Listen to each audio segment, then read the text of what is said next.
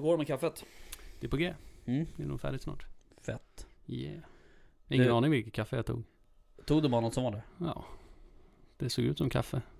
Det såg ut som kaffe. Man vet aldrig. Nej, vad stod det på vattenflaskan? Eh, ej dricksvatten. Mm, ej dricksvatten. Hembränt. Ah, alltså, Ja. jag måste e- erkänna en sak. Kör.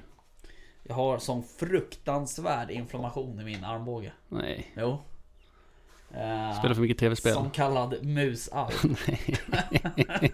jo, det är sant. Jag vet inte vad jag har gjort alltså. Får sån jävla kramp i, i handen. Nej, jävla sjukt jävla Ja. gubbe-åkomma. ja, verkligen. Ja. Jaha, Ja. Jag har Välkommen. sån jävla träningsvärk också. Är det så? Ja. ja just det. Men du har ju hållit på med viktiga saker. Oh, Eller? viktiga, eller, viktiga saker, jo men det är det väl. Mm. Jag har lyft eh, lite älgdelar och sådär. Mm. Du har alltså Tungt. styckat Ja. två älgar. Eller jag har inte styckat dem än, men de, de hänger i alla Ja. fall. Okej, ja just det. Kom de in igår eller? Ja, Mm. exakt. Ehm, Så att, eh, ja, jag, har, jag är lite mör idag alltså. Ja, förstår. Och sen vad- eh, jagat barn också. Ja okej. Ja. Ja det ska man inte. Det kan vara ganska jobbigt. Ja, Vad uh, var för älgar? en tjur och en kalv. Mm. Fina, väldigt fina. Mm. Roslagsälgar. Roslagsälgar. Mm. Ja. Ja men det är ju ehm, Det är kul. Nu kommer gästen. ja.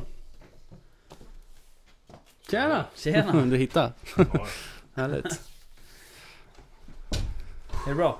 Det är bra. Lugn och fridfull Ja. dag. Ja, Tja! Rickard.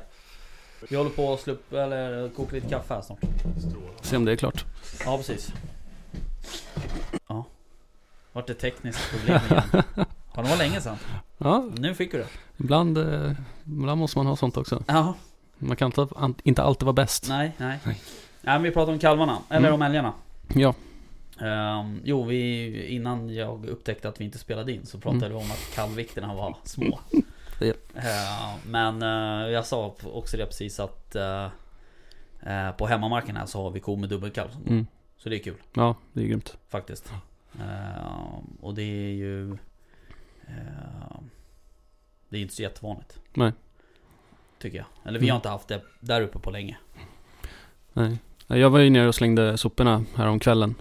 Eh, mörkt ute. Tog med mig eh, mörkerkikaren bara för att se. För vi har en liten äng nedanför oss. Mm. Eh, mot ett skogsparti. Just det. Går ner och kollar där. En tjur, tre rådjur.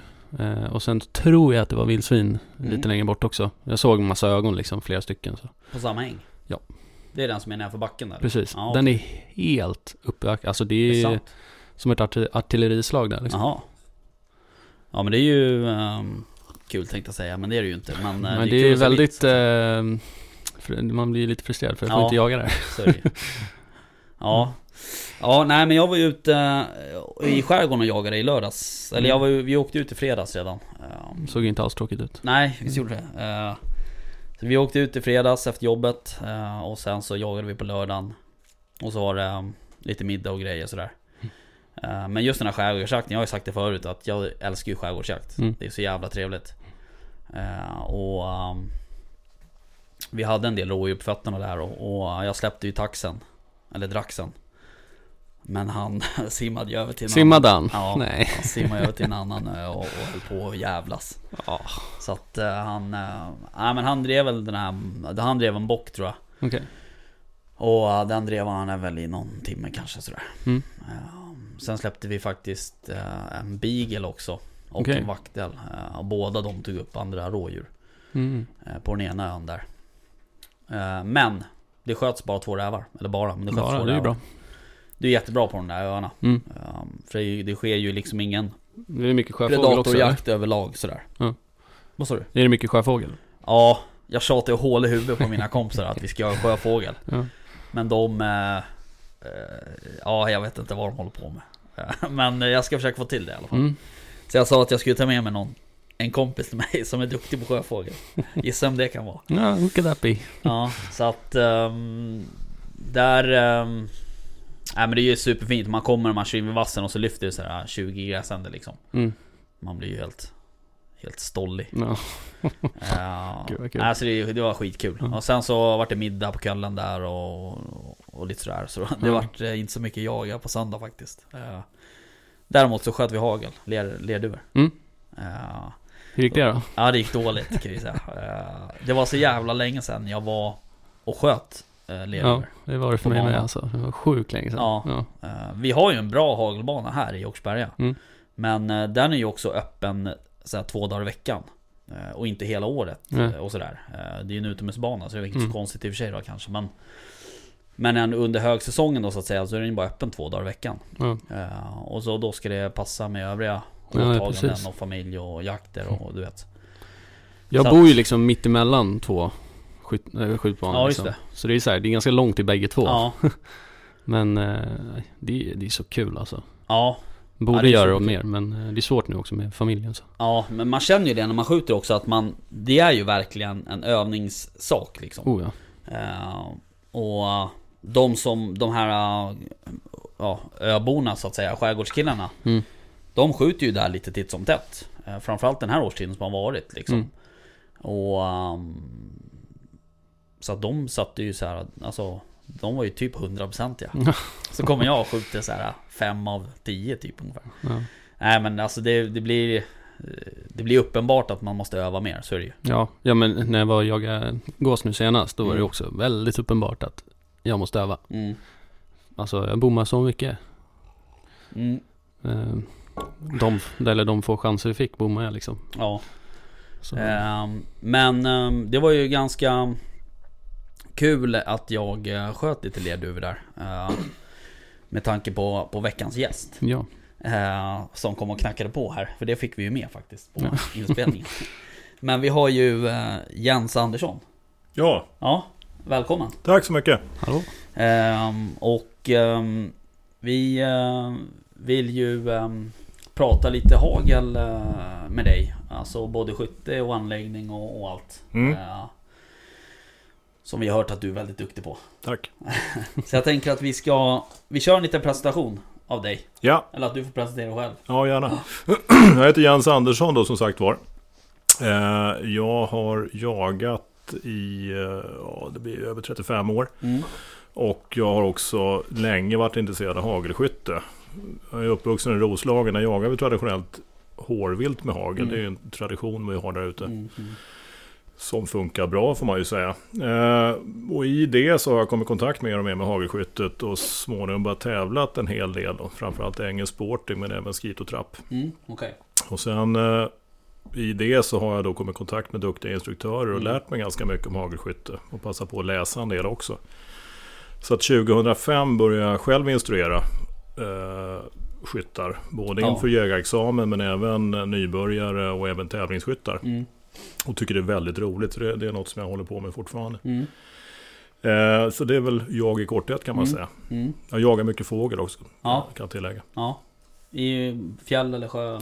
Ja, Både och. Fjället har det varit mycket. Ja. Innan eh, hus och barn och jobb och sådär kom i vägen. Och sen Mm. vart det några dåliga ripår. Så Ja, då, då tappade jag lite grann. Men däremot mycket fältfågel. Okej. Mycket fältfågel, mycket änder. Mm. Det, och det, det blir det fortfarande varje år. Ja. Kul. Eh, Ja du var väl iväg på någon, någon eh, trevlig jakt här Ja, jag var på en fältfågeljakt där för två veckor sedan. Var det. Ja. det var en Mm. jättefin jakt. Ja, det såg väldigt, eh, väldigt trevligt ut. Det var inte mängder med fågel, men det var fågel jämnt spritt, utspritt över dagen och de flög Mm. väldigt bra. Så det är skitkul. Vi Ja, växlade roligt. mellan stående fågelhund och eh, stötande. Vilket Okej. är, det är väldigt kul att växla hundar Ja. också. Ja, vad Ja. läckert. Få variation. Ja. Men eh, det blir en del hå- hårvilt också eller? Ja, Mm. absolut. Jag bor ju mitt i jaktmarken kan man Mm. säga. Där jagar vi ju mycket rådjur då med, Okej. med drivande hund. Och så blir det ju naturligtvis en och annan räv och Mm. hare också. Mm. Så att, eh, mycket av de rådjur jag skjuter, det skjuter jag faktiskt med hagelbössa. Ja. Nej men det är ju, jag tänkte på det nu när du säger att det är en tradition sådär att jaga liksom eh, småvilt med hagel. Mm. Eh, och det, det har jag sagt förut här på podden att, att jag har ju ett jaktlag här uppe i, ja, strax norr om Åkersberga. Mm. Eh, och där jagar vi ju nästan uteslutande med, med hagel. Ja, det gör det också, ja. Ja. Eh, så det är också en jakt som jag är, är väldigt sådär eh, uppvuxen med så att Mm. säga. Liksom, har gjort senaste åren och senaste tio åren.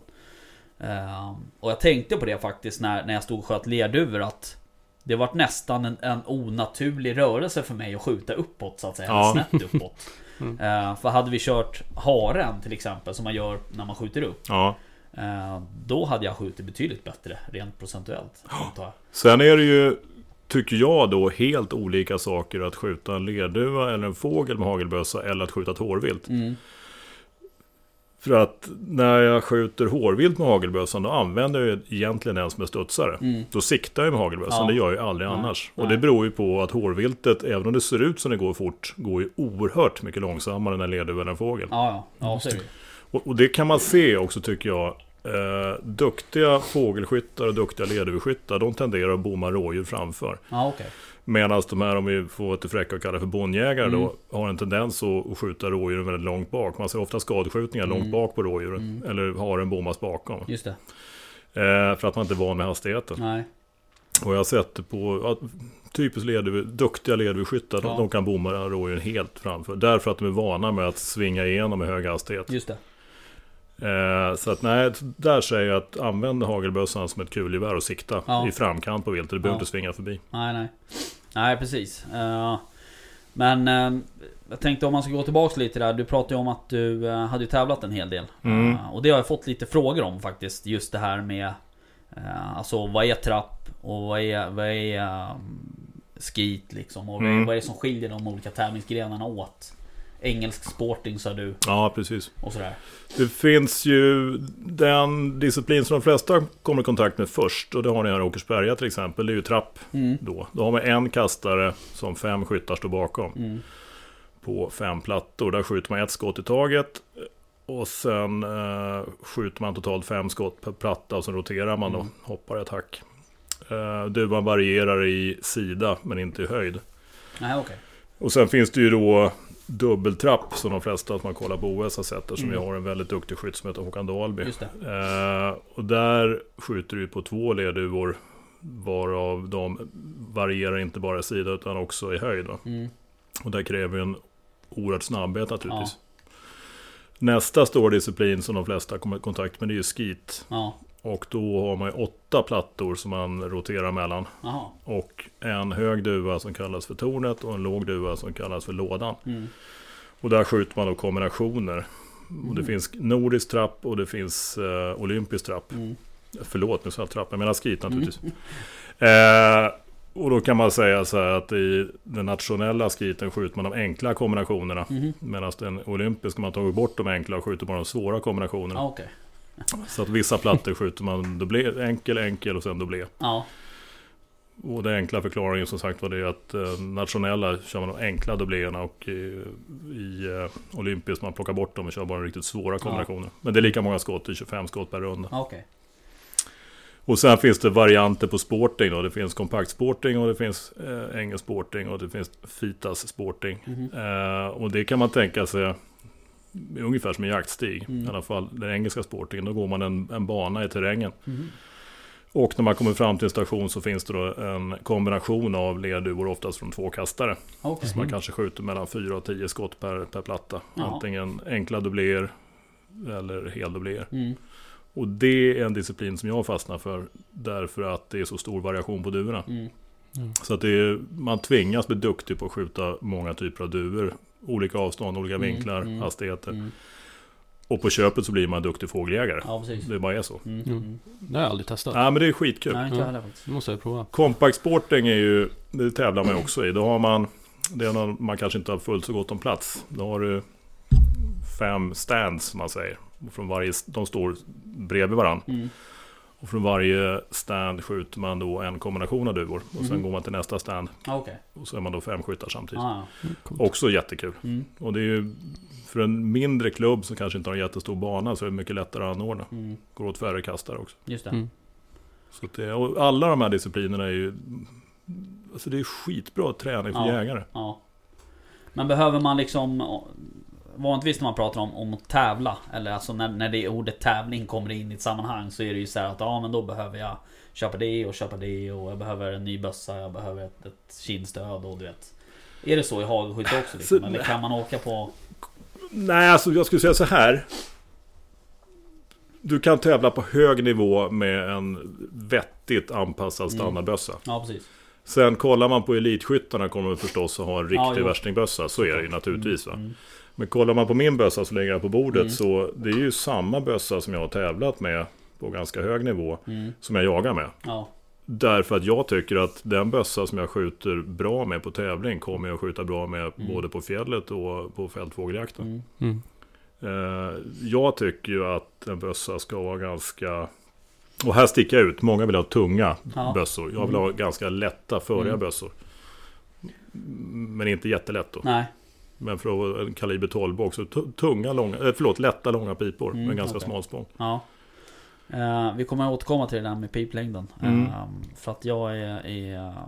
Ja, vi kommer tillbaka till det när vi pratar om, om hagelbössan lite mer som vapen så att säga. Mm. Men men det, det alltså egentligen då så kan man Ja, man kan ta sin standard berätta och som Ja, utan tvekan. Utan tvekan. Bara för att det är roligt egentligen. Absolut. Och sen är det ju så. i De flesta discipliner har ju ett antal klasser. Mm. Det finns en eh, D-klass då direkt när man börjar. Mm. Och beroende på vad man presterar så kommer man då att klassas in i olika Okej. klasser hela vägen upp till AA-klass då. då Okej. Det är i princip lands, landslagsnivån. Ja, ja. Och det gör att man kommer att skjuta med skyttar som håller ungefär sin egen nivå. ja. Vilket gör skyttet mycket roligare. Mm. Ja, såklart. Så är det ju.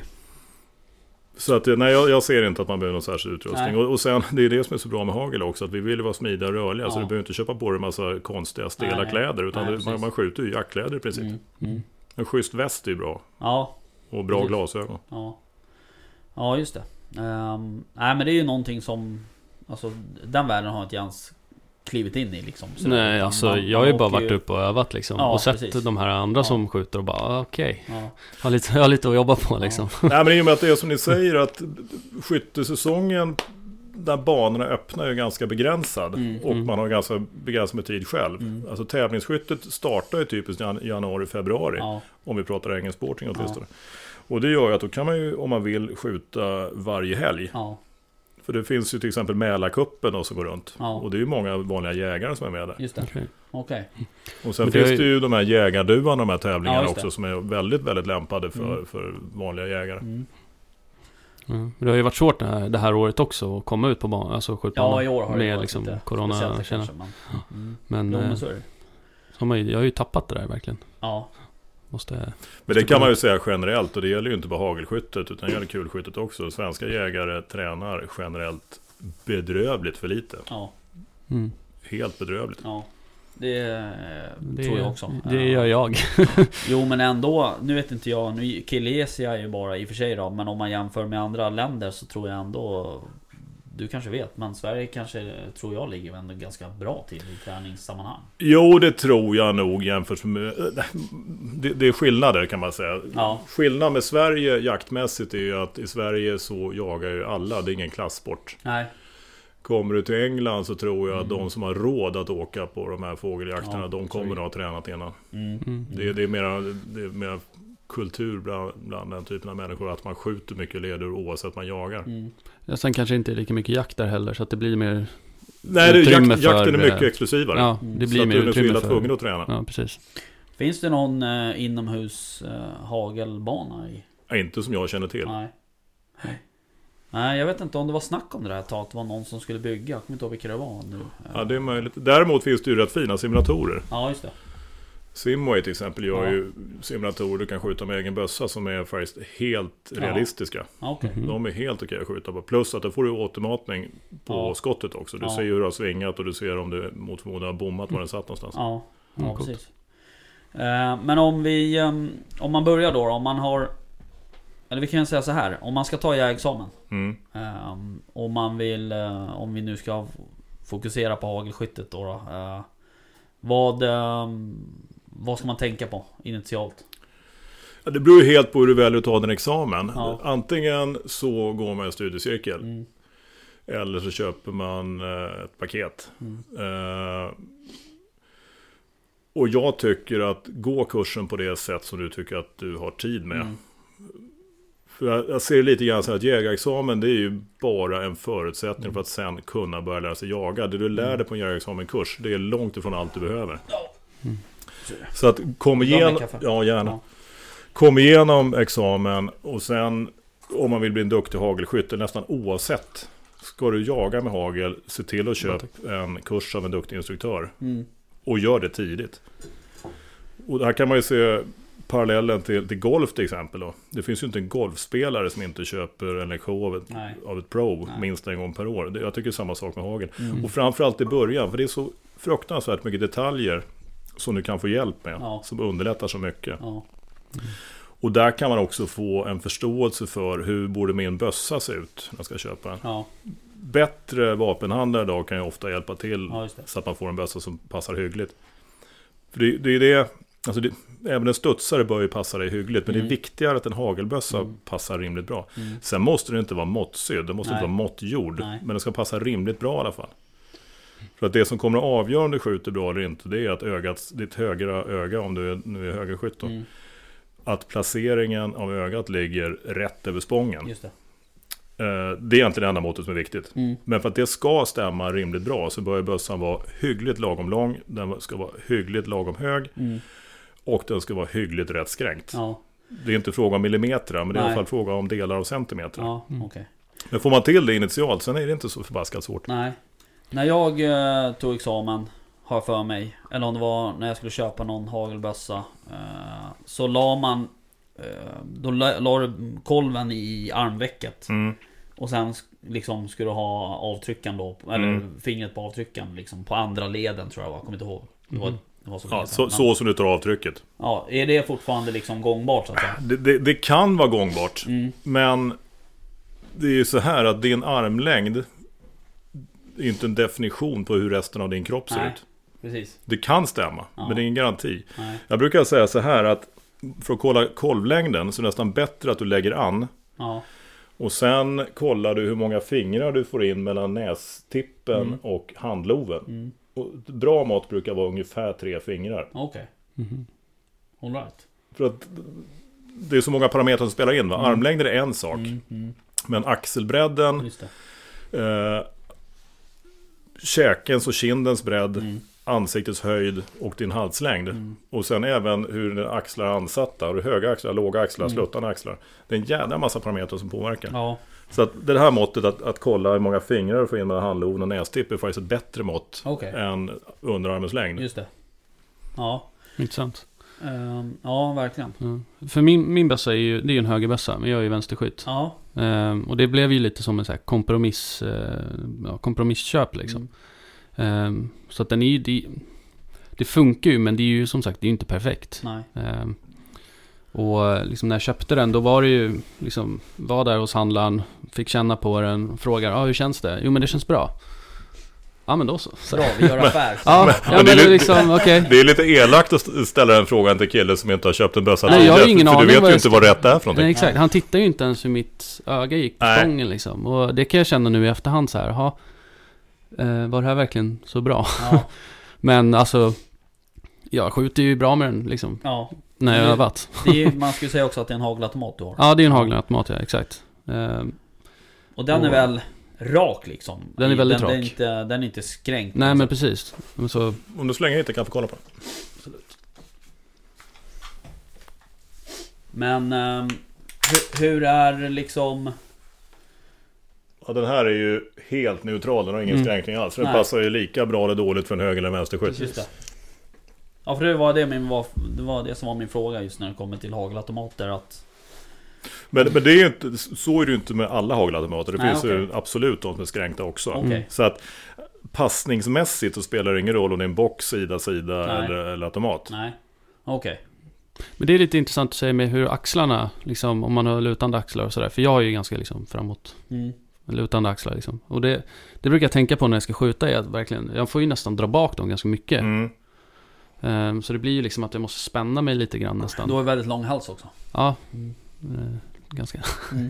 Nej men det, Men det, men det, det Ja. kan ju förmodligen vara en indikation på att du har lite för lång koll då, om du känner att du måste dra tillbaka axlarna. Mm, nej precis.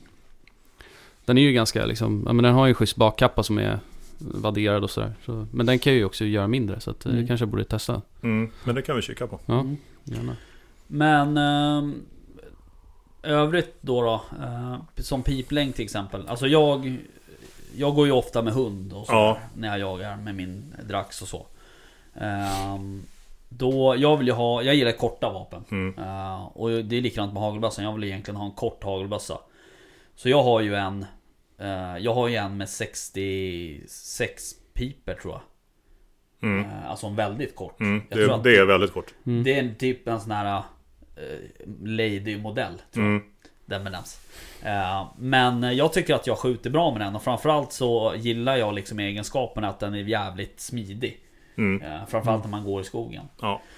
Men har piplängden, alltså det är ju lättare Du får väl bättre sving ju längre piper du har Ja, det beror på om jag menar bättre sving. Om man säger så här, till hårviltjakten tycker jag inte spelar någon roll överhuvudtaget. Nej, För då kommer det, åtminstone om, om man tänker som jag, att man använder Ja. hagelbössan som en studsare. Spelar ingen roll.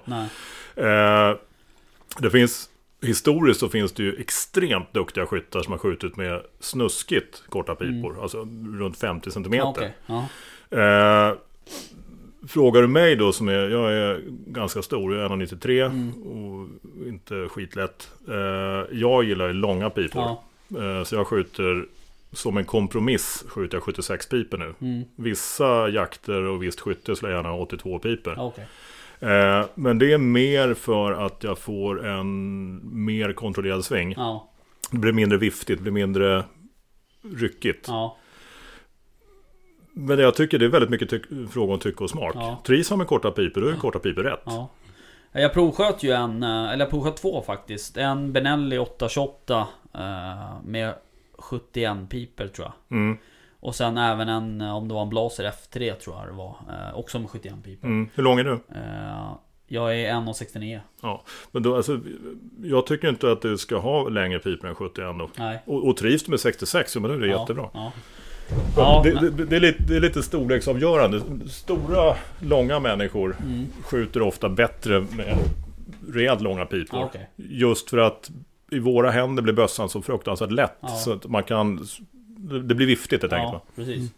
Ja, Min är ju 76 också. Jag är ju Mm. 1,86. Mm. Så att jag tycker den är jätteskön så. Piplängden. Mm. Ehm, och alltså jag tänker ju när jag skjuter fågel kontra hårvilt liksom. Det, alltså, jag tycker inte att det gör någon skillnad heller med piplängden där. Men det som jag tycker är lite sådär.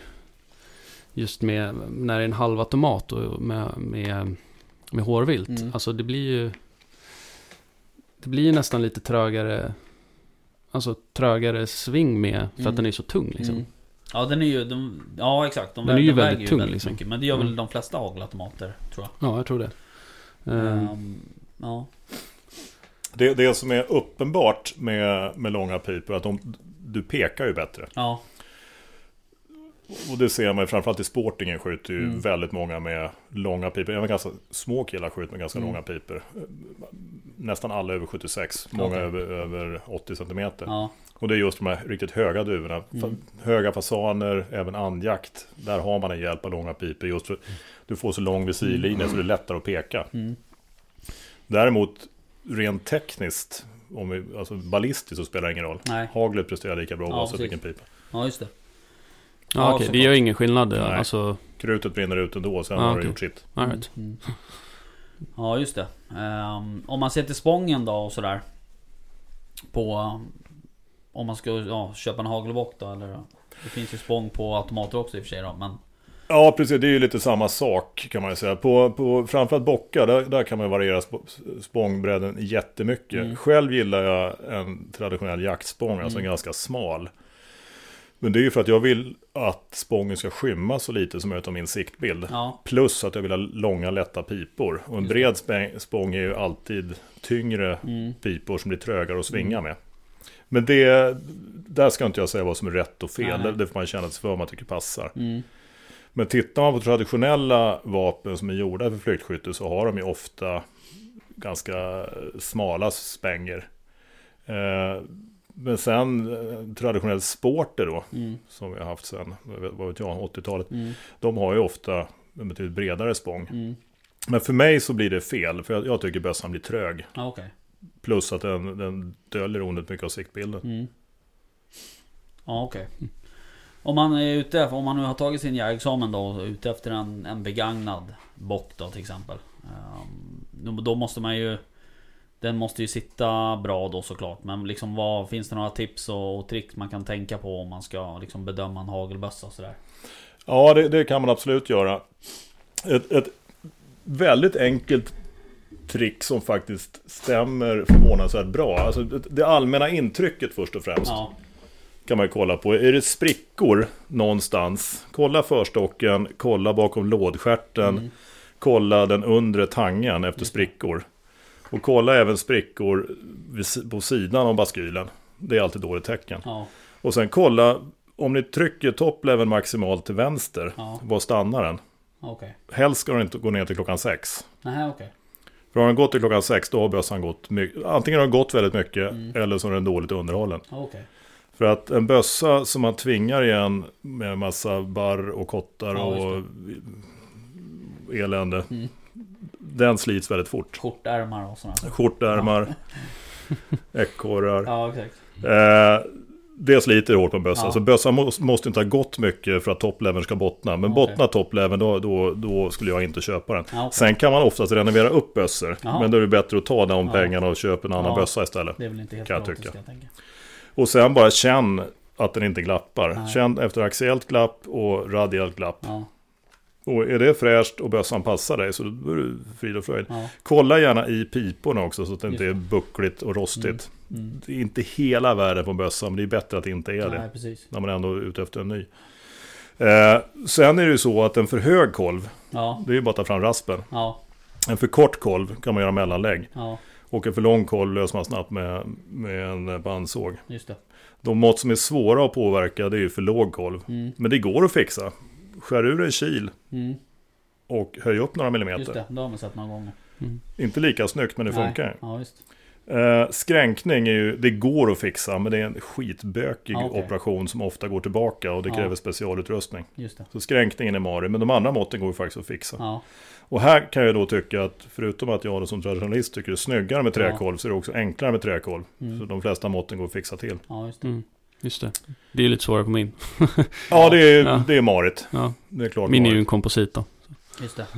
Och sen tycker jag alltid så här vad det gäller köp av hagelbössa att det, alltså, om man har en begränsad budget, vilket de flesta av oss har. Mm. Det är bättre att ta den mängd pengar man har och köper en kvalitetsbössa Mm. begagnad. Mm. Än man tar samma mängd pengar och köper någonting nytt. Mm. Om vi inte pratar prisklassen över 25 000 kronor. Mm. Mm.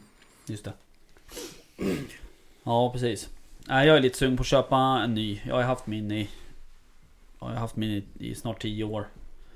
Eh, Men det är... Jag vet inte. Jag, är- jag är lite sugen på något nytt bara egentligen. Men, Var du sugen på eh, det? Nej, jag vet inte riktigt. Du ska ju börja jaga mer, eh, mer gäss och sådär. Så Ja, du behöver ju ha en halvautomat. Ja, jag har ju varit sugen på halvautomat. Men eftersom jag har mitt... eh, min lilla fetisch om korta vapen så är det svårt. Blir det en blaser också då eller? eh, Va? Blir det en blaser också då?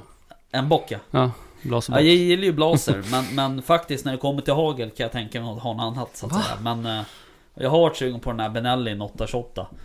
Eh, just för att den är jävligt lätt. Det är Mm. aluminiumlåda den där. Men dock så upplever jag att den är väldigt eh, liksom som en hagelautomat kan vara, så här Mm. skramlig. Lite så. Ja, Och sen... Nu har inte jag sett facit på Benelli. Nej. Jag har, jag har sett några stycken, skjutit med några stycken. Men jag har inte sett hur de ser ut efter 5-6 tusen Nej. skott. För jag är lite skeptisk till aluminiumlådor på Ja. bössor som ska gå mycket. ja, För aluminium är i slutändan det är en ganska mjuk metall. ja precis. Så att jag, jag, tänker gillar stål i, stål i lådan. Ja, Och sen, man ska inte vara rädd för vikt i en hagelbössa. nej, Så, så länge vikten sitter på rimligt rätt nej ställe. precis. För att Nej, den så- håller ner rekylen och du kan balansera upp eh, svingen och få Mm. bra kontroll på svingen. Så att rätt vikt på en hagelbössa Mm. skulle jag säga snarare än för lätt. Mm. Nej, alltså jag är egentligen inte... Alltså... Jag är egentligen inte... Själva vikten på bössan är inte jätteviktig egentligen eftersom min blaser som den är när jag går med hunden. Då har, jag har ingen ljuddämpare, jag har rekylbroms. eh, Och jag har ett, ett ganska lätt sikte. Så är Mm. ändå blasen tung i själva systemet så Mm. att säga. Eh, Så just vikten så är vi egentligen inte prio ett utan det, det är ju längden som jag... Jag vill ha en kort och smidig bössa. Mm. Ehm, och så. Men, och det finns ju några såna här, Det finns ju Beretta har ju någon modell som är rätt eh, kort och sådär. Och, Mm. och så. Eh, sen hittade jag faktiskt nu eh, när jag satt och googlade lite här att ehm, det fanns en... Det finns lite mer kaffe om du vill. Ja, Det är väl halvljummet i och för sig. Ja, det gör inget. Eh, nej, men jag hittade en, en Blaser F3 eh, med just, oj, eh, 66 pipa. Tror jag. Okej. Ja, det är ju riktigt bra. Det är Blaser är... F3 är en riktigt bra bössa. Ja. Ehm, nu kommer jag fan inte ihåg, men jag för mig att visst var det var en F3 eh, Nej vänta nu, vilken är det som är, vilken kom först? Var det F- F3 först, F3 sen kommer först? F16. Ja. För att den F3 jag sköt i helgen Den hade pipbytaren eh, I varbygeln Mm. Det kändes lite sådär Mm. Ja, jag lite knepig eh, Lite knepig placering kan jag tycka. Ja, jag, jag kände det också. Eh, Men eh, det är klart. Alltså med det som jag skjuter liksom och på jakt och sådär så det är inte jätteofta man by, eh, liksom byter pipa. Jag, jag kan säga någonting paradoxalt där. Nu kommer jag säkert få skit av massa tävlingsskyttekollegor. Eh, jag kör samma tjåk i båda piporna. Jag har ingen pipväljare. Ah, okej. Och de två tjåkerna sitter i oavsett om jag går på en fågeljakt. Ah, okej. Eller om jag jagar rådjur. Ja. Eller om jag går en sportingtävling. Ah, okej. Enda gången jag byter är om jag skjuter en skitävling. Alright. Så jag skjuter kvartspipa, kvartsborrning i båda piporna. Okej. Nästan jämnt alltså. Ja, i princip jämt. Det är hos dig det ringer. Eller ja. Ehm, Lägger den där. ja, precis. Ehm, Eh, ja, okej. Men vad är det för, eh, för trångborrning? Ja, kvart kör jag. Kvart, kvart ja. Mm. Okej. Det är paradoxalt att säga så här, jag inser det, men jag tycker jag har empiriska bevis för att visa att det funkar. Mm. Eh, min uppfattning är att väldigt många människor lägger stor, för stort fokus på sina choker. Ja. Man ska ha bra choker naturligtvis, Ja. kvalitetschoker. Mm. Sen tycker jag att det är viktigt att man testar ut en patron som funkar bra i bössan. Okej. Eh, det är jädrigt sällan duvan Ja. håller eller fågeln överlever på grund av choken. Ja, Det är oftast lavetten som har gjort fel. Just det. Mm. Det är något som jag tänker på mycket eh, när jag jagar med hagel. Det är så här, ja men vilken tjåk ska jag ha nu? Ska jag ha halv eller ska jag ha trekvarts?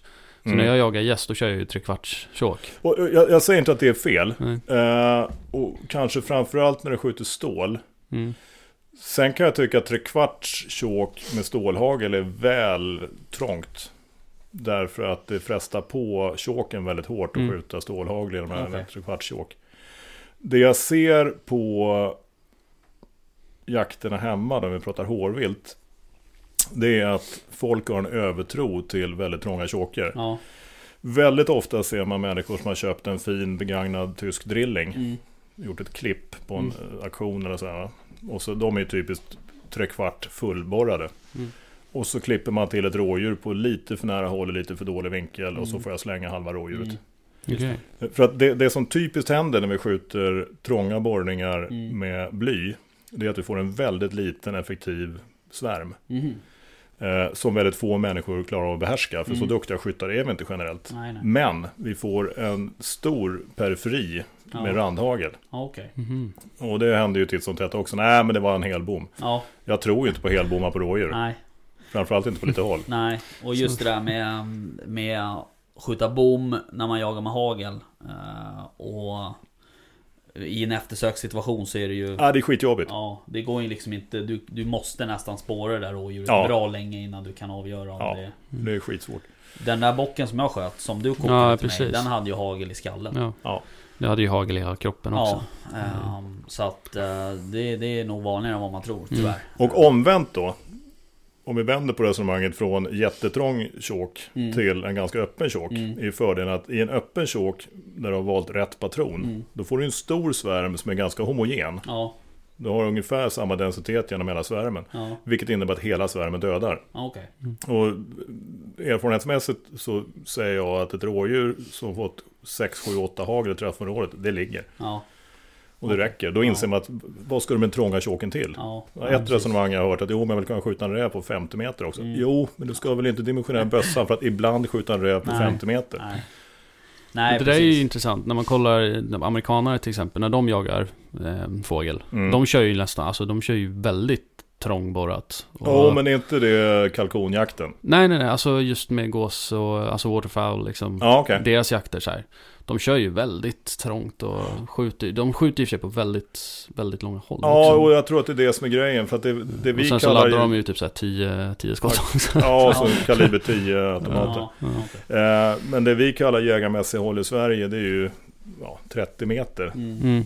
35 meter. Mm. Vi skjuter ju inte... Nej. Nej, Alltså nej. rådjur Mm. skjuter inte ens på de hållen, Nej, men med nej. fågel, Mm. då pratar vi 30-35 meter. Mm. Och där gör ju en, en kvartsborrning jobbet tveklöst. Mm. Mm. Och sen är det också så här, och det, alla vet ju inte det, men eh, om du har en tjåk, en kvart, Mm. så är den oftast gjord för eh, bly. Jaha. Men det motsvarar ju halv när du skjuter stål. Mm. Mhm. Mhm. Många kvalitetstjåkar, de är märkta både för bly och stål.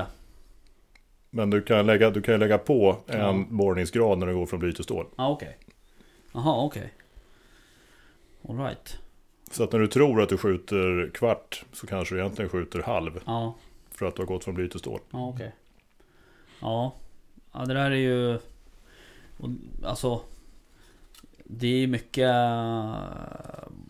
Alltså det är mycket man inte tänker på och vet. Eh, Ja, För verkligen. jag upplever så här att Just det här med hagelskyttet Det är Det intresset Hos folk, gemene man Är inte lika stort som Som, som kulintresset så att säga Nej, Är du med? Folk Ja, ja, tycker men att jag- det jag är helt med Det dig. är skithäftigt att skjuta På 250 meter Ja, ja. Och ladda 6 eh, Mm. eh, XE och alla liksom Mm. så här specialkalibrar och, och sådär Men Så att jag tror att eh, Ja, men kolla Facebook utbildnings- också. Du ser ju mer, fler bilder på, Ja, det på kulgevär än vad du ser på hagelgevär Ja, liksom. Så- Ja, jag har moddat den på det här sättet. Ja. Eller gjort det här, satt Ja. på det här. Och, ja. Nej så det, det då, ja, det tror jag inte folk är medvetna om Nej, vi som skjuter mycket har ju koll på det. Men jag tror den generella jägaren har inte koll på Ja. det. Nej och det är ju också sådär att man Alltså jag upplever ju också att så här, när man jagar med hagel Det är inte lika liksom Folk tycker inte att det är, det är lite mer Instinktivt eh, Skytte Det är det ju förvisso, Ja, så det, det säger jag inte emot. Nej nej men, men liksom det den här ballistiktänket och, och när det kommer till Till Till exempel val av, av patron Mm. och, och sånt Det är ju inte alls lika Nej. Och, och där slarvas det kan jag säga. Ja. Jag, jag ska inte säga att jag alltid sköter mig heller. Men jag rekommenderar alla att inför fågeljakten köp några olika fabrikat. Mm. Skjut på en slammad tavla. Har du inte det, skjut på, på lite målarpapp då. Mm. Så att du ser hur patronen presterar. Mm. Och det intressanta är att, som jag sa tidigare, att du har en homogen densitet i svärmen. Ja, Så att du inte har tomma partier. nej precis Eh, och sen när man är nöjd med det så vet man vilken fågelpatron man ska ha. Mm. Och så gör man samma sak för räv och rådjursjakt. Så att du har en, Ja, för- en, en patron som bössan trivs i. Ja, för det där vet, det har man gjort mer än en gång att man liksom såhär Oj, nu har jag visst Jag sköt ett skott på första passet och sen så får man låna en patron av passgrannen Mm. typ ungefär Då står man med en Gyttorp och en eh, Rottweiler typ Och, och, och oftast liksom. går ju det bra. Ja, Ja, men jo, det hade, jag, hade jag varit utan ammunition så hade jag gjort likadant Ja. naturligtvis. Men när man köper på sig ammunition så kan Ja. det vara läge att testa. Så jag Ja. vet att det är bra grejer jag går ut med. Ja. En annan grej det slarvas mycket med, och, och det kan vara direkt förödande, det är de här... Vi skjuter ju tyvärr inte så många patroner när vi jagar rådjur. Nej, Så att man har de här tio patronerna som får ligga kvar i jaktfickan. ja. Jag säger så här, efter en jaktsäsong, använd dem till övningsskytte. ja, just det För att de där mår inte särskilt bra. Nej. Det är temperaturcykling, det är fukt, det är Ja. elände. Efter en jaktsäsong så har du tappat mycket prestanda. okej mm. Mm. Nej, det är ju bra att veta Jag fick faktiskt Av eh, ja, han som är min eh, jaktmentor kan man väl säga Jag fick en hel kartong av med eh, Hagelpatroner av honom här för, Mm. för några år sedan De använde jag i och för sig till, till övningsskytte så då men Men det var många som var liksom De fick jag ju kassera direkt De var ju Mm. rostiga och buckliga och Ja, de ska man inte ha. vet, så, här. Ehm, så att ehm, Nej men så är det uh, Okej men ehm, Jag tänkte på en grej, det här med just ja, med sällskapsjakter och sådär. Och med, med en halvautomat till exempel. Det är ju lite bökigt. Med halvautomat Ja, mm. man, man känner sig alltid lite sådär att så här, man står där och försöker, man försöker så här, tömma Ja. bössan medan alla andra liksom är redan halvvägs bort Ja. på nästa såt Ja. liksom. Eh, så det kan jag känna där, jag skulle gärna vilja ha en bock till just sällskapsjakterna Ja. för att eh, Ja men det, det känns ju lite bättre också när man faktiskt kan bryta bössan och Ja. visa tydligt att nu är den Ja. plundrad.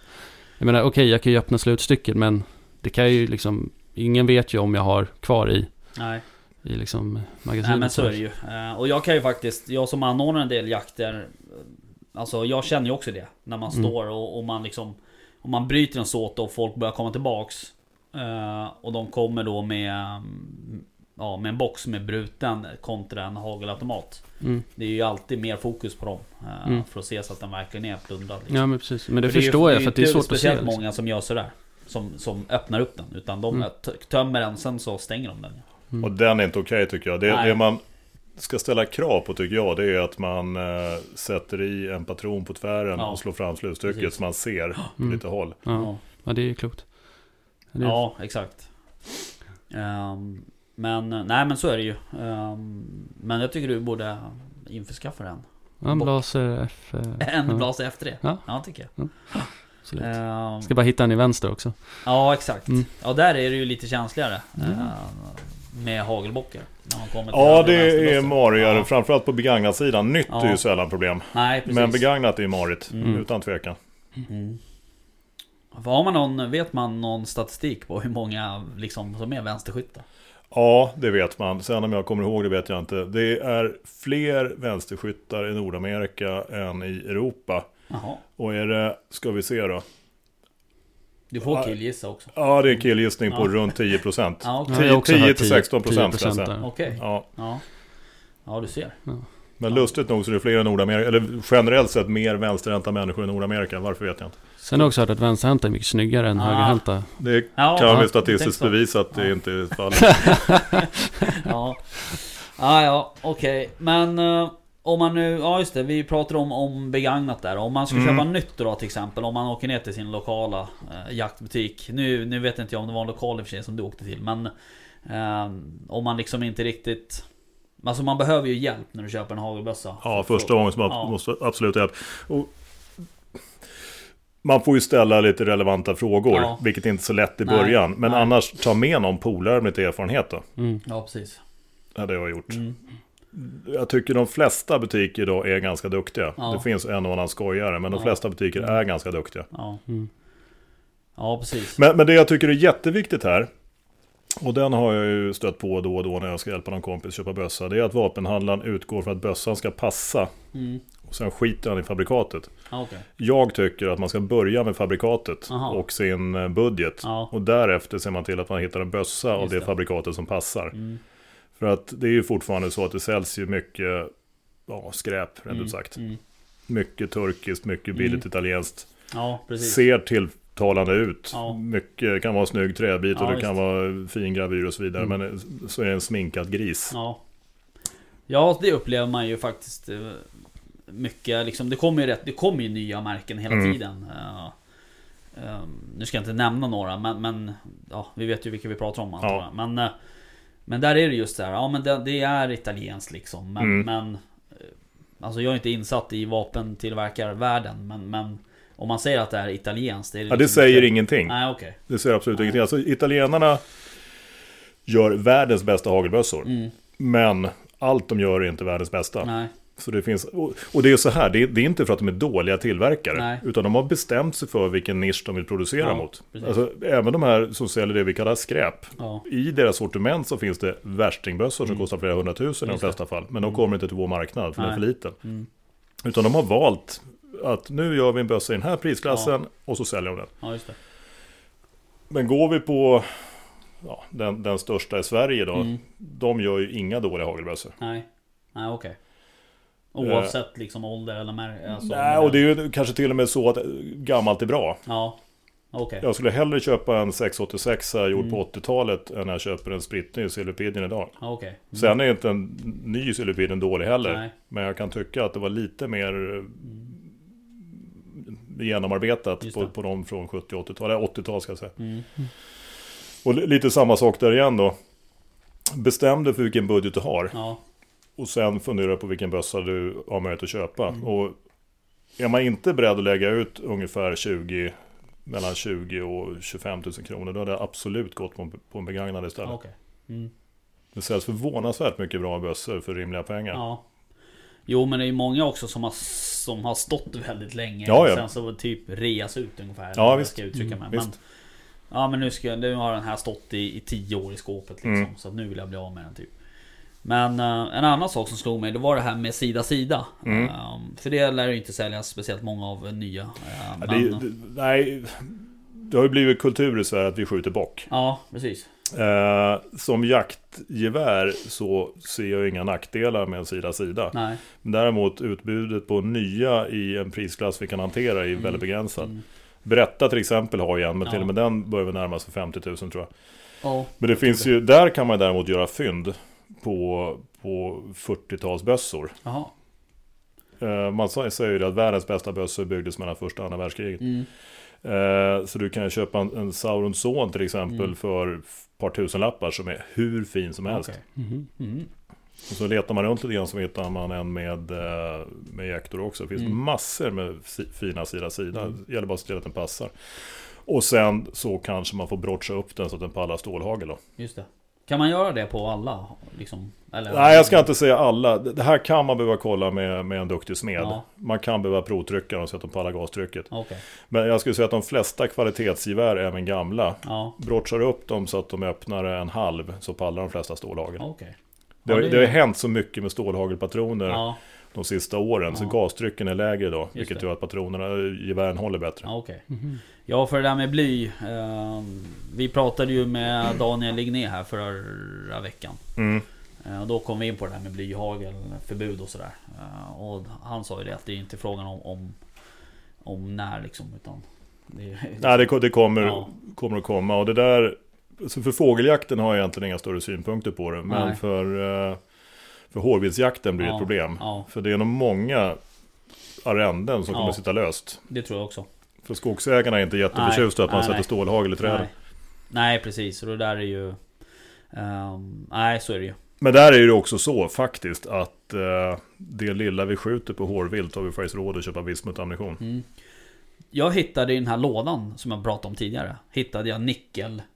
Eh, alltså en, en hagelpatron som det stod nickel. Ja, men det är bara, det är bara nickelpluterat bly. Jaha, okej. är Det så ligger ett tunt, tunt skikt med elektropluterat eh, nickel på utsidan. Jaha. Varför gjorde man så? för? Ja, jag gissar att man vill ha, ha blyt att det formeras mindre. Ja, okej. Jag gissar det. Jag tror att rent sexuellt tror jag skillnaden är väldigt liten. Mm, all right. Nickel Magnum är en klassisk gyttorpatron. Ja, precis. Jag kommer inte ihåg vad det var för märke på den där. Men det stod nickel på den. Jag Mm. reagerade på det. Eh, Men um, tillbaks till sida sida där. Um, om man ska liksom, om man är sugen på en sida sida, är det samma kriterier som gäller då om man ska Ja, det jag passa ut den så att säga? Det ska jag säga. Det är ju det är samma. Det är återigen höger öga om man är högerskytt ska Ja. ligga rätt över spången. Ja. Och det här det kan man faktiskt testa väldigt lätt. Om man, har, om man vet ungefär hur man bör stå Mm. med sina fötter. Och då brukar jag säga så här, ställ dig som du står i baren med gin tonic i handen. Mm. Det vill säga fötterna nästan sida vid sida, Mm. knappt axelbrett mellan hälarna, vänster fot något framför höger fot om du är högerskytt. Mm. Eh, sikta på en spegel. Det bästa är att lägga an bössan och blunda med ögonen. Mm. När man öppnar ögonen så ska höger öga ligga precis rakt om för spången. Mm. Och mynningen ska vara precis i underkant på iris på Just höger det. öga. Då vet du att du har rätt anläggning. Ja, okej. Ja, för det där var en sak som, som jag har kom ihåg när, när jag tog examen. Ehm, då, var, då skulle vi stå eh, och sikta på taklistan här för mig. Mm, det är och skitbra. Svinga med eller? Ja, skitbra. Ja, något sånt. Ehm, och det gjorde man ju. Ehm, men det var knappt att jag klarade duvorna där ändå. Men, men jag har ju Jag har ju ganska korta armar liksom så, här, så jag hade svårt att, um, att få till det med de bockarna som Ja. vi hade på kursen där. Ja men du behöver en kortare bössa. Alltså. Ja, jag tror det. Ehm, och väldigt sådär liksom kort. Så jag, jag har ju en väldigt kort koll. Liksom. ja, men det behöver du ha. Mm. Ehm, Men det där med taklistor är faktiskt skitbra. Det, det finns två övningar som brukar rekommendera. Det ena är då att stå och gör anläggningar mot halsspegeln. mm, Försök lägga an så att du hela tiden träffar i underkant på ditt högra öga. mm, Tills du blir trött i armarna. mm, Och när det sitter, börja svinga på taklister. mm. Och inte bara en, utan flera taklister. Så att du lär dig vrida kroppen Ja, också. Uppifrån och ner, eh, golvlister, taklister, fram och tillbaka. Mm. Så man verkligen hittar svingrörelsen. Mm. Det är en skitbra träning. Mm, mm. Ska jag testa? Ja, gör det. Måste Mm. bli bättre. Vad sa du? Jag måste bli bättre på att skjuta. Ja, nej men det är ju generellt, alltså så är det ju med allt skytte. Det är ju, en- och det vart så jävla tydligt för mig i helgen att det är ju en, det är ju en, det är ju en träningssak liksom. Eh, Som allt annat egentligen. Men det är ju också en detalj, alltså detalj... eh, Man måste tänka på detaljerna också på något sätt. Mm. Att så här, liksom anläggningen och hur du står, eller sitter. Jo men det är ju, det är ju, Alltså- det är ju mer moment. Alltså själva rörelsen att få upp en hagelbössa till axeln och den sitter är ju mer liksom moment än att få upp en, en studsare. Mm. Upplever jag i alla fall. Alltså det är en, det är en mer, ska jag säga, det är en mer fin rörelse liksom på Ja. Du måste upp, alltså du måste hamna rätt på en gång. En studsare har du ju oftast liksom, Ja, där kan du lirka in. ja, och där är det liksom, egentligen kan du hålla det kan ju säkert en duktig hagskytt också göra, men du, egentligen kan du ju hålla kolven på din studsare, den kan ju vara sned så här. Mm. Alltså jag har skjutit med studsare där du har ett kikarsikte, sen har du ju en liten sån här... Eh, Ja, alltså en, Sekundärsikte. Ja precis. Eh, och då bara vinklar du så här. Mm. Och det, det spelar egentligen ingen roll. Nej, inte på, kort, nej. inte på rimligt korta håll. alltså. Nej. Vad heter det?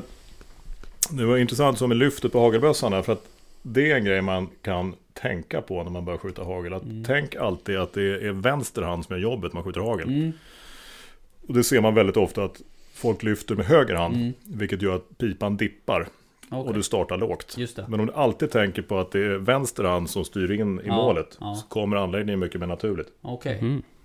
Mm. Just det. Ja för oftast så, eller jag vet ju i alla fall att, att Framförallt också på, på vinterhalvåret kanske när man står Om man har 25 lager kläder på sig Så är det alltid det här, man fastnar alltid Mm. med, no, med något skit i västen eller du vet radioselen eller något så här.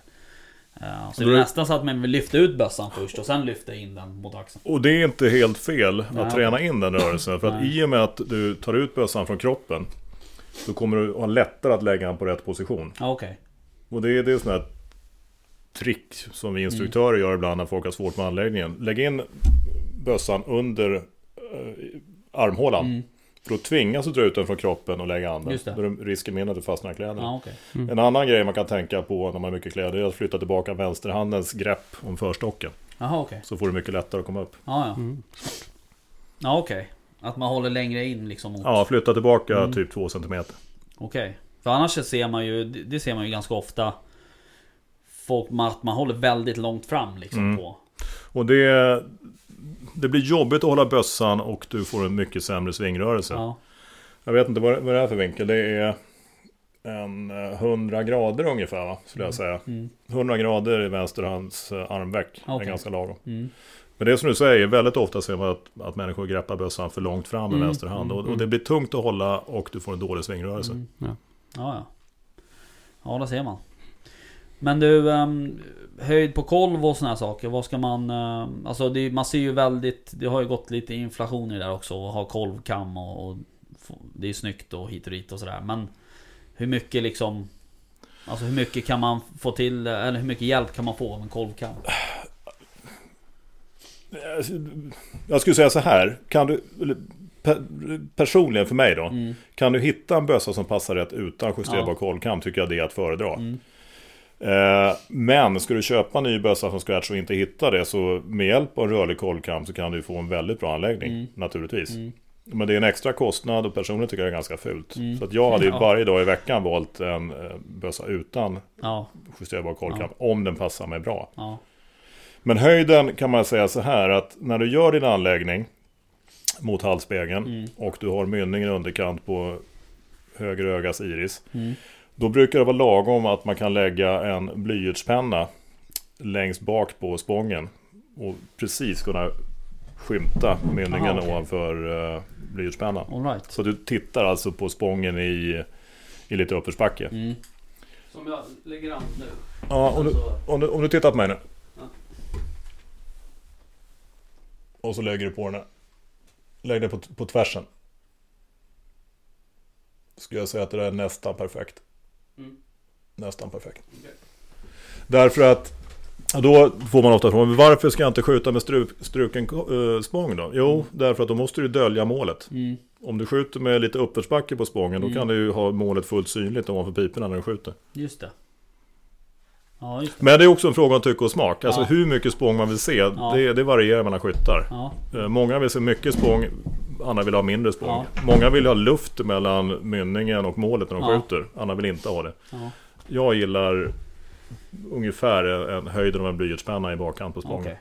Okej. Ehm, om, man köp, om man lyckas köpa en bössa som passar halvbra sådär. Mm. eh, hur lätt liksom är det att lära sig skjuta med den? Förstår jag menar? Ganska Alltså, lätt skulle jag ja, säga. okej. Det, det, Man det måste sig inte, liksom. ja absolut. Alltså det måste inte stämma på millimeter. Nej. Absolut inte. Ja, okej. Sen är det kul om du gör det, men det, det går att lära sig att skjuta bra Ja. med bössor som inte är perfekta. Ja, Utan Mm. tvekan. Men jag har ju liksom lärt mig skjuta med, med högerbössor också. Så ja att, precis. Ja, Alltså- det säger ju det mesta. Mm. ja. Och, Nej men det, det är det jag upplever också med min att, att den köpte jag ju mest Alltså egentligen så jag köpte den för att det var korta piper Det var typ den enda de hade ungefär mm. Ehm, Och då var det inte så jävla noga utan då Sen hade jag tight budget då också så den var billig liksom Mm. Ehm, Så att eh, Av den anledningen så vill man ju kanske titta på något nytt nu då Det är kul att förnya sig Men um, nej okej Men eh, hör du um, Optiska sikten då på ja, just det. Så här röd punkt och sådär. Ja precis Ja, det gläder mig att du tar upp det. mm.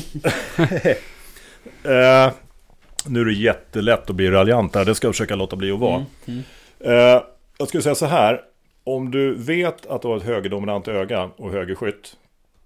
Då ser jag inget som helst skäl till att ha ett färgat korn. Ah, Eller ett optiskt ryckmedel. Nej Eh, en given del av skyttarna har ju ett vänsterdominant öga Mm. fast de är högerskyttar. Mm. Då hade jag nog rekommenderat att man blundar med vänster öga Mm. och fortsätter skjuta utan färgat korn. Mm. Har man svårt att blunda med vänster öga, vilket rätt många har, Mm. Då kan det absolut vara en idé att ha ett färgat korn. Okej. Och då finns det de här ganska långa kornen, Ja, där du bara kan se färgen på kornet när du har rätt öga som ledöga, eller dominant öga då. Mm. Det Och typ, det, typ som den ja, där? precis. Ja, just Ja, en easy hit, eller som Ja, man brukar säga, precis. easy shit. Mm. Eh, nej, har man problem med ögondominansen kan det absolut vara ett hjälpmedel. Ja. Annars tycker jag alltid att uh, färgade korn är en nackdel. Okej. För det som typiskt händer det är att ögat fastnar på kornet Ja. istället för målet. Ja. Och då skjuter du alltid bakom. Just det. Ja. För, och det är ju så här skyttetekniskt. Och nu pratar vi lerduvor och fågel då. Mm. Så måste man ju våga passera målet för att träffa. Mm. Siktar vi mitt på så bommar vi alltid. Mm. Om vi inte svingar fruktansvärt snabbt. Ja, För då får du ju en framförhållning i den Ja, fördröjning. det. Det. tar ju typiskt 0,2 sekunder från att vi tänker nu trycker jag av tills vi faktiskt trycker av. okej. Och svingar du nog snabbt, Mm. men då räcker de 0,2 sekunderna sving för att skapa en Ja, det. framförhållning. För att komma ikapp. Ja, precis. Men typiskt att passera med målet och trycker av. Mm. Eh, och det gör att vi måste våga lämna målet. Mm. Och har vi då ett färgat korn så är det väldigt lätt att titta på det istället. Okej. Och då kommer vi aldrig, aldrig passera målet. Nej, okej. Så att jag drar ju större paralleller med bollsport och hagelskytte än kulskytte och hagelskytte. Mhm. Om du tänker, eh, det spelar ingen roll om du tänker golf, tennis, squash, Mm. paddle, badminton. Du tittar ju på bollen och så låter du kroppen göra jobbet åt dig.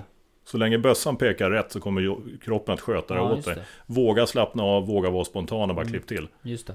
Du tittar inte på racketen, du kollar på målet. Ja, precis. Och hagelskytte blir samma Exakt. sak. Mm. När vi skjuter kula, då, då jobbar vi med ja, konkreta data. Ja. Vi har ett mål, vi har ett hårkors, Ja, vi ska placera hårkorset och trycka av. Ja. Det här är precis tvärtom. Ja. Vi ska passera målet, vara spontana och bara våga lita Mm. på, instinkten. Mm. Ja, det är verkligen Ja, ett intressant. instinktivt Ja. skytte faktiskt. Uh, ja, det är jävligt uh, häftigt. Mm. Eh, Jag tänker lite på så här, ha, alltså ha, val av hagel också. Eh, för vad, alltså diverse vilt. Mm. Ehm, alltså man kan ju läsa ganska mycket på internet sådär om du ska ha den här storleken, den här storleken. mm. Alltså jag tycker det är ganska svårt att Mm, Det är liksom veta egentligen vad man ska ta. st- ständig diskussion kan man säga de sista 150 åren. Mm. Jag tycker så här, på sam- och jag kommer säkert få massa skit nu, men jag tycker så här. På samma sätt som många skyttar har övertro på trånga borrningar, så Mm. många skyttar övertro på grova hagel. Och här finns det studier gjorda som visar att den mest effektiva patronen om vi ska skjuta stort vilt är en trea. Mm. Därför att ska du gå upp i högre grovlekar än tre, då måste man sänka gastrycket och då Mm. minskar hastigheten. Så att, sen kan jag säga att jag fuskar ofta och kör gärna en tvåa då som en liten kompromiss mellan Okej. jättegrovt och treor. Mm. Jag tycker tvåor på rådjur funkar skitbra. Men Ja. en trea är det som ger bäst penetration. Mm. Jag kör tre. Eh. Mm. och på samma sätt då så har man en övertro på tunga laddningar. Mm. Men tung laddning är samma sak. Ja. Det finns ju någon som tror att 36 gram be- betyder 36 gram hagel. Ja. Eller förlåt, krut. Ja. Utan det är haglet som ja, väger. Och ökar du hagelladdningens vikt så sänker du hastigheten. Ja. Så att jag säger 36 till max 42 gram. Ja. Och- Okej. Tvåor, treor på rådjur. Mm. För att jag lever i tron att ett rådjur dör i huvudsak inte bara av chocken. Nej. Utan jag tror att det behöver en kombination mellan Ja. chock och mekanisk åverkan. Så att vi vill ha en penetration. Ja. Rådjuren dör på femmer också i de allra flesta fall. Ja. Men du får, jag tycker du får lite större marginaler. Ja. Du går upp till, till tre år. Mm. Ja, Eh, däremot på fågel så tycker jag ju, om vi pratar fasaner, rapphöns, duvor, Mm. eh, ripor, sexor. Ja. Blysex är 24 gram. Ja. Ja, 26-28 gram också okej, men, men över 26 gram ser jag ingen användning. Och Hararna dör väldigt bra på 26 gram sexor också. Ja. Däremot så när vi jagar hare jagar vi ofta också rådjur. Så Ja. det är svårt att gå med Just bara det. sexor. Mm. Jag sköt ju faktiskt en, en hare för några veckor sedan. ehm, med eh, en lånad hagelautomat eh, faktiskt. Eh, men eh, det var treor. Mm. Eh, och där trodde jag att jag hade bommat i och för sig, för den sprang ju vidare. Mm. Eh, men det var hundföraren som han tyckte, sin, han tyckte att den här stövaren betedde sig som att jag hade träffat. Och Mm. han hade ju rätt då såklart. Eh, men den... Den, den var, var i och för sig inte speciellt många hagel i den men den sprang i alla fall en 40 meter kanske. Men då har du inte fått någon riktigt bra träff. Nej precis. Så För att, att- eh, Skjuter du inom jägarmässiga håll med en trea på en hare så Mm. ligger den ju. ja, nej, det, här var, det här var faktiskt ganska nära. Så att eh, jag sköt nog halvtaskigt då men... Ja, jag fick den i alla fall till slut. Sen är det ju så då att när vi jagar över våtmark så får vi ju inte jaga bly. Nej. Utan då är det stål som gäller. Mm. Och här tycker jag man kan tänka Ja, ni är så förbannat unga så ni kommer inte ens ihåg när vi jagade med bly över våtmark. Nej. Men för oss gamla stötar då så Ja. är det ju så tycker jag att Är du van att jaga änder med sexor Mm. Ja då får du gå till fyror när det går till stål. Du får öka, Ja, öka två grovlekar Ja. när det går från bly till stål. Okej. Sen har du mer erfarenhet av gäss än vad jag har Rickard. Men vad kör du på, på gässen? Två år? 36 grams tre år. Tre år Ja. stål, ja. Och det, det lär funka. Mm. Jo men det funkar. Mm. Men de, Eh, alltså, de går ju ner så. Men däremot tycker jag ja, skillnad på en trea och en fyra är inte jättestor. Men jag, jag har stor erfarenhet av stålfyror på Mm. änder. Tycker jag funkar bra som helst. Mm.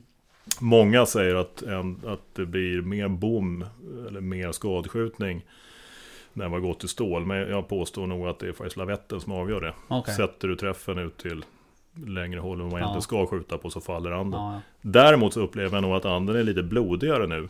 Ja. Jag upplever att den faller och den dör. Mm. Men jag tror hjärtat slår lite längre med stål än vad Ja. det gjorde med, med bly. Mm. Åh fan. Ja, De var mindre blodiga förr, tycker jag. Ja. Nej, det ska bli intressant att se vad som händer med blyfrågan där. För att, eh, ja, det är som du nämnde tidigare där att det kommer bli liv på skogsbolagen. Ja, det tror när jag. sitter stålhagel i varenda jävla tall. Mm. Nej, och på rådjursjakt så... Nu vet jag att man i Danmark jagar rådjur med stål. Men jag Mm. tror vi kommer få korta ner avstånden betydligt. Mm. Så jag kommer nog gå på, på vismut i så fall. Mm. Är det liksom, är det likvärdigt med... Ja, bly, jag, jag har väldigt lite erfarenhet. Eh, Ja. Men det, det är ju en skapligt tung metall. Mm. eh, Och ganska mjuk. Så Ja. den, den, den lär funka bra. Ja, okej. Sen finns det ju Wolfram också då. ja just det. Eh, Men det är ju också, nu vet jag inte hur legeringen ser ut i stål, men Wolfram är ju by definition en väldigt hård metall. Ja, Den är mycket tyngre än bly, så jaha okej. mot viltet så är det ju att föredra. Men däremot Ja. hur det blir för sågverksklingorna vet nej, jag inte. Nej, nej precis. ja. Det här med att handladda hagel eh, patroner. Eh, det görs väl också i... i alltså, det görs väl också? Jag tror inte att det är så stort i Sverige. Nej. Jag känner ingen som gör det. Nej. I USA är det skitstort. Ja, okej. Eh, I Sverige, det görs garanterat i Sverige, men det är inget jag har stött på. Nej. Jag har aldrig hört talas om det. Så. Och jag menar, den stora volymen hagelammunition du gör av med, det är Mm. till leduvbanan. Mm, Och när en smäll kostar under 2,40 så Ja. ser jag inte riktigt att det Nej. finns någon uppsida med det. nej. Nej, så är det ju. Eh, såklart. Jaha, okej. Vad... ehm, har vi kvar något eh, ämne vi har missat? Väst? Jag, eh, det går igenom huvudet här. Ja. Eh, vi har pratat hagel, vi har pratat anläggning, ja. Köpa bössa. ja, köpa bössa. Ja, ja. Nej men eh, om man säger så här då, om man nu eh, tar sin examen och man liksom inte riktigt eh, får till skyttet då. eh, Om man står på banan till exempel och sådär.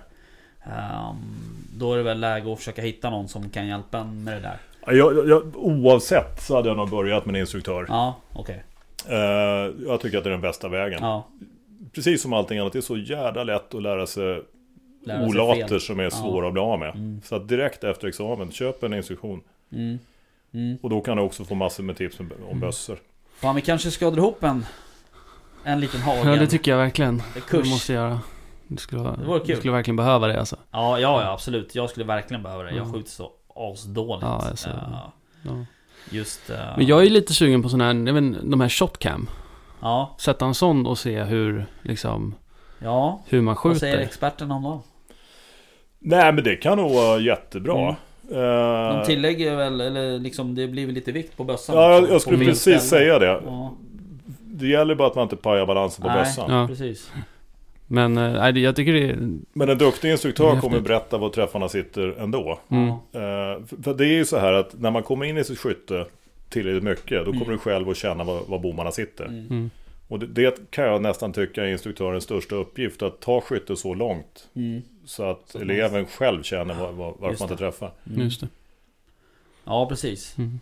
Ehm, hur lång tid liksom, nu är det högst individuellt kanske då, men om man ska Om man ska boka en instruktör då, vad, vad ska man ge det för tidsfrist då liksom? Förstår du vad jag menar? Alltså ska man Om den här instruktören säger så här att Nej, men du behöver nog gå här hos mig varannan vecka i ett år Nej, Är det men så, liksom? nej men det, det, det då, har- då, har man, det då har man problem. Ja, Då ska man inte ha jägare. ja, Nej, men får man skjuta... Det det beror på vilken nivå man vill Ja. nå också naturligtvis. Men en lektion på en timme eller två timmar ger jättemycket. ja, Det ger jättemycket. ja, Men däremot att ett första år då man tycker att man kan kosta på sig det, skjuta med instruktören tre, fyra gånger är ju Mm. jätte, jättebra. mm, Men sen att man kommer med i en klubb eller att man har en, eh, ett jaktlag, man kanske går ihop och köper en automatkastare. mm, Det behöver inte kosta så många tusen. nej, Så att man kommer igång och skjuter kontinuerligt. mm, ja precis För att eh, alla behöver skjuta ett gäng hundra Mm. skott per år. Ja, Och första året med ny hagelbössa kanske man behöver skjuta ett par tusen. ja Och hur många tror du gör det? För få. Ja Ja, men så är det ju Jo, verkligen. Ja. Nej det där är, det är ju, är ju, man skäms ju nästan Men det beror på vart man vill också. Ska du bara jaga rådjur, Ja, då behöver du inte skjuta särskilt mycket men men det vi inte har pratat om, som jag tycker är jättebra, det är att skjuta eh, plåtfigurer. Ja, Alltså, löv, alltså klassisk jaktstig. ja precis Mm. Det träningsskyttet tycker jag genomförs för lite också. Ja.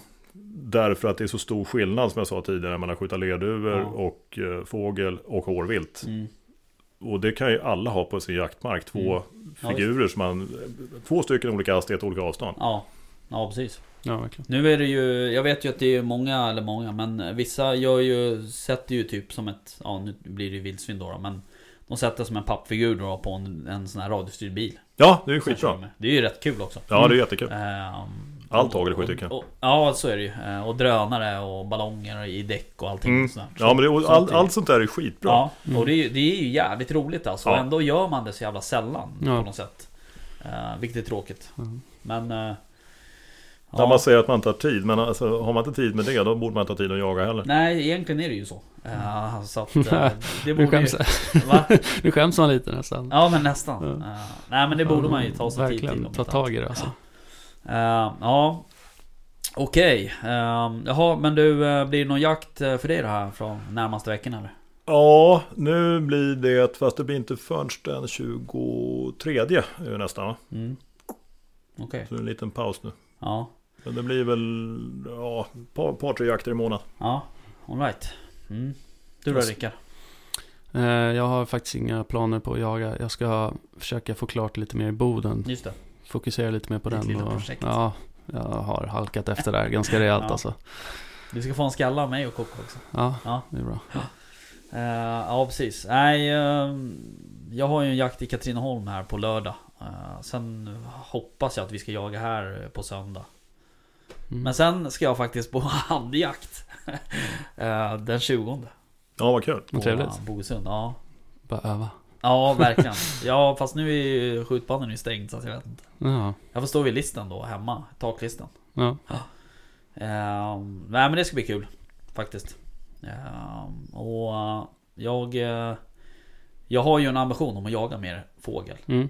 Ehm, men den eh, inte helt lätt att få till. eh, rent eh, markmässigt. så Nej, att säga. ja, det är morigt. ja. Eh, jag har ju väldigt mycket liksom skogsmark att jaga på men, men det är ju, Sen har ju vi uppe i Rimbo där har vi ju, kan vi jaga lite gäss och, Mm. och jag skickade ju den där filmen till dig på duvorna där. Mm. Så det kan Ja, vi ju det, det var inte snällt. Nej jag vet, jag ber om ursäkt för det men det var rätt roligt. Ja. Eh, Så att, nej men det är ju det är kul och det är framförallt eh, just duva och, och gäss och gräsand det är ju också ett fantastiskt eh, matvilt. Ja, visst är det. Oh ja. Så att, eh, Du vet ju vad jag tycker så Ja, ja, jag vet. Ja. Jag vet. jag Jag ska bli bättre på det. prisar gässen alltså. Det är fantastiskt. Det är så mycket mat på dem. Ja. ja men det är kul också och sen Alltså om man ska se nu till sin liksom, umgäng, umgängeskrets så att säga så Alltså alltid när man tar hem folk på middag då är det ju rådjur, dov, älg eller vildsvin. Det är ju det som man bjuder på. typ. Ja, exakt. Men det vore ju rätt kul att bjuda någon på, eller har det då, men det vore rätt kul att bjuda någon på, på gräsand eller duva eller... Mm. Ju Jag tog ju med mig jättebra. Kanada, Kanadagås till jobbet Ja, och bjöd folk där och Ja. bara, ah, men smaka på det här, vad, Ja. vad tror ni liksom? Vad, säg vad det är. De bara, Mm. ah, kan det vara, det var en som sa vildsvin. Nästan. Ja, jag bara, höll på att bli slagsmål. Ja. Ja. Eh, nej men det- och de bara så här, det här var ju jättegott, vad är det för något? Ja, Ja. men det är Kanadagås. ja. Jaha, den som går och skiter på stranden Ja. så här. Ja, exakt. Va? Den ja, precis. ja men det var ju gott. Ja, Ja. det är gott. Ja. Liksom. Tog du inte med och bjöd på den här friterade vildsvinsnjuren? Ja, det tog jag faktiskt med. Gjorde du det? Jag testade kollegorna där också. Alltså. Eh, vissa bara, "Mm, ja, jo men det här var... Är det, är det någon form av liksom in... De flesta gissade ju på att det var någon form av innerstad. För de såg ju mitt ansiktsuttryck Ja, jo, såklart. Ja, precis. ja. Lite pillemarisk sådär. Ja. Men, eh, nej men det, de tyckte det var gott också. Ja. Nej men det är det är gott också. Med inälvsmat såklart. Oh ja, väldigt. Jaha. ehm, nej men... ehm, ja, vi får väl försöka avsluta, tänker jag. Ehm, tack för att du eh, ville komma hit. Ja, tack. Jättekul. Ja, lite hagel. Hagelskytte och hagelövningar och, Ja. och sånt med oss. Så vore ju det kul om vi kunde styra upp en, en Ja. hagel, en liten Ja. hagelkurs. Det kan vi fixa. Ja, vi får lösa det. Det. Ehm, nej men då så. Hörni, ehm, tack för idag då. Tack själv. Tack. Hej då.